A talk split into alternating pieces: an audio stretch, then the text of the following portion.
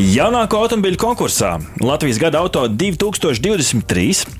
Šogad uzvarētāju titulu izcīnīja jaunā Skoda Fabija. Aiz tevis- aiz sevis aizstājot Volkswagen eh, Taigo, eh, Dacia Jogger un eh, Opel Astra.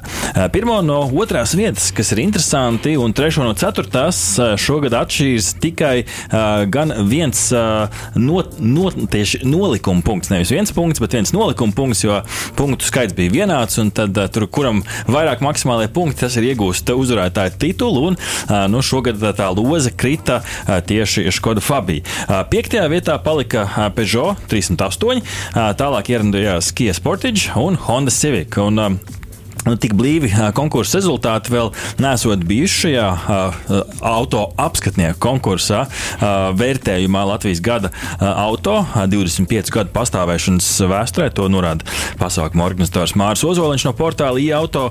Un tautas balsojumā, kas ir atsevišķa tāda kategorija, tika saņemts vairāk kā 3000 balsu, un ar 495 balsīm uzvarēja Audi RS3 limuzīna versija. Kā nu, ā, tauta ir runājusi, Rihard, kā tev kopumā nu, šie rezultāti, ja mēs skatāmies, uzvar auto, kas varbūt nav nu, no tā, sauksim, nu, no tā augstā, dārgā prēmijuma gala, no tā šikā gala, un tautas balsojumā tomēr uzvar, uzvar mašīna, kas ir varbūt ne, ne no tā zemākās cenu kategorijas. Kā tu vērtē no malas skatoties šos rezultātus? Es domāju, ka ļoti loģiski. Profesionāli apskatnieki noteikti uh, skatās šo cenas un kvalitātes, vai cenas un tās veiktspējas uh, attiecību, un attiecīgi līdz ar to arī pieņem tādu izsvērtu lēmumu. Jo skaidrs, ka nu, gada auto visdrīzāk nevar būt tas, kurš ir nepieejams uh, cilvēkiem. Nu, Tātad gada auto ir jābūt tādam, ko tiešām arī uh, cilvēki lietos. Uh, no otras puses, tajā brīdī, kad ir jābalso par skaistām bildēm, tad mm. uh, droši vien, gribās uh, nobalsot par to tiešām, kas ir tā glītākā, glaunākā, un, uh, nu, un tad jau arī tas rezultāts uh, iznāk tāds, vai ne? Numur divi. Pēc aptuveni 26 dienu garas misijas 11. decembra vakarpusē veiksmīgi noslēdzās Artemis 1 misija, Artemīdas misija ar Oriāna lidaparātu, kas piezemējās uz platformas pie San Francisco krastiem. Artemis 1 bija īpaša vairāku iemeslu dēļ, kā raksta portāls Kursors. Viens no šiem iemesliem šis kosmosa kuģis Orion uzstādīja jaunu NASA lidojuma rekordu, sasniedzot vēsturiski lielāko attālumu no Zemes - 401,798 km. Tik tālu bija aizklējojis mazais sprīdītis. Kopumā šīs misijas ietvaros Orion veica ap 1,4 miljoniem jūdžu, jeb 2,25 miljoniem kilometru lielu attālumu. Nu, lūk, šī pirmā Artemis eh, misija, eh, NASA, šajā pirmajā misijā NASA vairāk eh, vēlējās koncentrēties tieši uz šo lidaparāta darbību un veiktspēju, lai tādā veidā to varētu uzlabot, jo šeit kosmonauti nebija iekšā. Tie būs cerams tajā nākamajā misijā. Un, Un šādā veidā NASA pēc iespējas labāk vēlējās uh, novērtēt to lidojumu ietekmi uz cilvēku. Viņi bija ielikuši arī tādus manekenus iekšā, kuriem ir virsū sensori. Tad nu, kaut kā simulēja to cilvēku klātbūtni. Mm -hmm. nu jā, un tad tālāk NASA galvenais uzdevums būs uh, iegūto datu izvērtēšana, kam attiecīgi sekos gatavošanās nākamajai mēnesis misijai Artemis 2, kas paredzēta jau 2024. gadā, un kuras laikā astronauti Oriona kosmosa kuģī aplidos apkārt mēnesim. Savukārt uh, 2025. vai 26. gadā Artemis 3 ietvaros pēc vairāk nekā 50 gadu pārtraukuma cilvēks cerams atkal spērs kāju uz mēnesi. Šīs misijas ietvaros NASA sadarbojas starp citu ar SpaceX, kas pērn izcīnīja iespēju ar savu kosmosa kuģi Starship nogādāt astronautus uz mēnesi. Nu, visi sekosim noteikti tiešai dēļ līdzi, kāds notiekās. Ziņa numur trīs. Aizdītajā nedēļā mūs eh, priecēja video spēļu fans, priecēja The Game Awards ceremonija, kur nu, eh, titulus un eh, dažādas balvas plūca labākās no video spēlēm, to, to starp Elder Ring, God of War, Ragnarok. Bet ziņās šajā sadaļā netik daudz atskatīsimies uz to, kas ir bijis, bet to, kas būs. Jo tas jau visus video spēļu fans interesē. Un, pirmkārt, nu, viena no pēdējo gadu gadītākajām spēlēm, Cyberpunk 2077.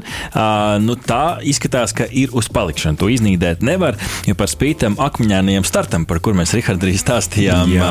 spēlē iznākot, par spīti tam spēlē būs papildinājums 23. gadā nosaukumu Phantom Liberty. Un, ja iepriekš tur viens no galvenajiem tēliem bija Keanu Reeves, kas arī, starp citu, būs joprojām spēlē, kā Džonijs Sudrabroka, tad šeit jauns papildinājums no Hollywoodas zvaigznēm Aidris Elba, aktieris, kurš noteikti jau ir daudziem zināms. Viņš spēlēs tēlu Solomons Rīts, un būs šis papildinājums būs jaunā Night City, jeb naktas pilsētas rajonā. Jauns rajons tiks atvērts spēlētājiem. Tas vairāk tādā spiegu trilera tematikā. Kas ir interesanti, Rihard, uz Playstation, konkrēti uz Playstation konsoles, iznāks spēle Crime Boss, Rock A City, kurā nu, es teiktu, vizuāli, sajūta ziņā, tiešā veidā atgādina Grand Theft Auto Vice City. Atcerieties to seno spēli? Jā, jā, viena no manām bērnības mīļākajām spēlēm. Nu, redz, kā, un izskatās, ka šis te uh, vieta, te, tematika tiek atdzīvināta šajā spēlē, bet 90. gadu mafijas dzīves stilā. Un ar ko interesanti šī spēle?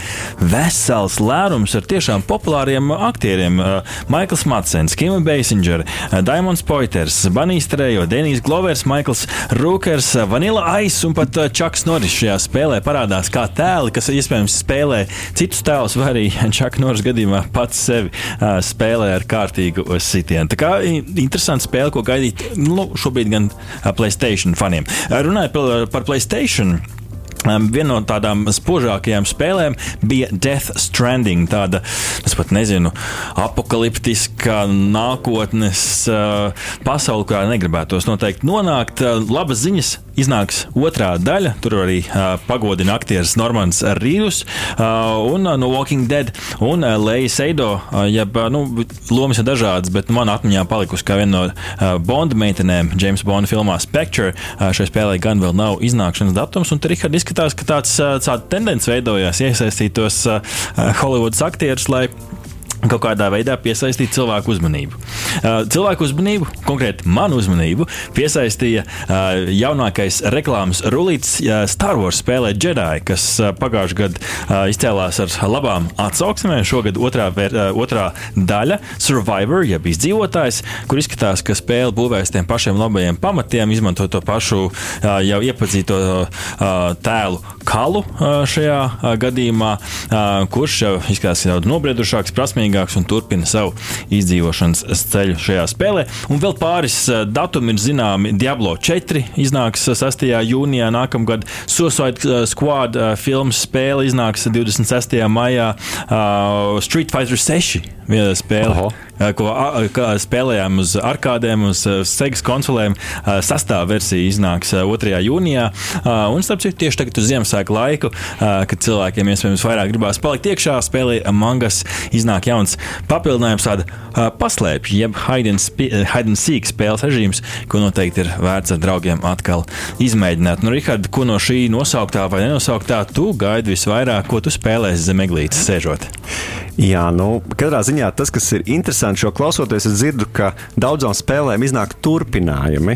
Līdz ar to katram jau tā spēle, kas viņam ir mīļāka un tuvāk, ir cita. Nu, kāds ir iesācis noteikti, un tad vēlas, vēlas turpināt. Vēl noteikti ir tādi cilvēki kā es, kuri kādreiz um, pirms vairākiem desmitiem gadu ir spēlējuši vai nu, nezinu, Diablo 2 vai to pašu uh, Vice City uh, vai arī to pašu Street Fighter vai ne? Um, kā, un attiecīgi tad uzspēlēt izvēlēt to kādu no nākamajām paudzēm, droši vien ir zināms vilinājums. Kā, Tad jau ceturtais diablo te būs tāds svaigs kumosiņš. nu, ļoti iespējams, ļoti iespējams. Ziņa numur 4. Par Latvijas Investīciju un attīstības aģentūras rīkotā konkursa ideju kausa 2022 inovatīvāko biznesa ideju atzīts autonoms dzelzceļa diagnostikas robots uh, Suhona AI uh, sliežu pārbaudēm. Tas ir attālināti kontrolējams, izmantojot tīmekļa platformu. Attiecīgās inovācijas mērķis ir uzlabot diagnostikas kvalitāti, kā arī padarīt dzelzceļa operācijas drošākas. Otrā vieta un 7000 eiro naudas balva piešķirta pārlūka lietotnē Tekstok. Risinājums automatizē balss toņa vadlīniju ievērošanu korporatīvajā komunikācijā, lai ietaupītu laiku vadības līmeņa speciālistiem. Jauninājums konfigurē vēlamo stilu un labo kļūdas tekstos, padarot komunikāciju konsekventāku. Tikmēr 5000 eiro atbalsts uzņēmējdarbības uzsākšanai ir piešķirts juridisko dokumentu ģeneratoram Ligālio. Ar risinājumu palīdzību uzņēmējiem atbildot uz jautājumiem ir iespēja sagatavot lietotņu vai mājaslapas lietošanas noteikumus 15 minūšu laikā. Konkrētais rīks primāri paredzēts uzņēmējiem, kuri piedāvā preces un pakalpojumus tiešsaistē. Noteikti ir vērts arī papētīt, kādi vēl interesanti dalībnieki piedalījās konkursā. Ziņa numur 5.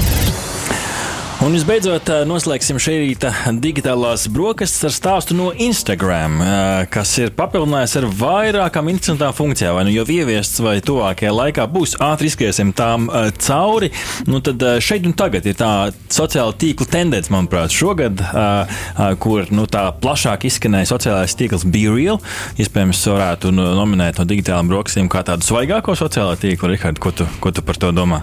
Mm, jā, nu grūti pateikt. Man liekas, viņš tā uzplaiksnīja, jo man liekas, nu jau piedzīvo savu tādu lejupslīdi. Tā realitāte nav tik skaista kā Jā. varbūt citos sociālajos tīklos, taču Instagramā šis ienāk oficiāli beidzot Candid Stories. Iepriekš esam jau minējuši Candid Stories, šim to varētu tulkot kā mirkļa stāsti, iespējams, reālie stāsti, kur tu uzbildē, kur tu esi konkrētā brīdī, par kuru tu iepriekš nezini. Izlaiž paziņojums, tev jāizvelk telefons, divas minūtes, uztaisam bildi ar aizmugurējo un selfiju kameru un liekam iekšā. Un tad tā, tā reālā dzīve ir kā uz dēlnes. Šis arī oficiāli iekšā ir Instagram sociālajā tīklā. Tad, tad iesūkta vēl viena funkcija, kas ir interesanti.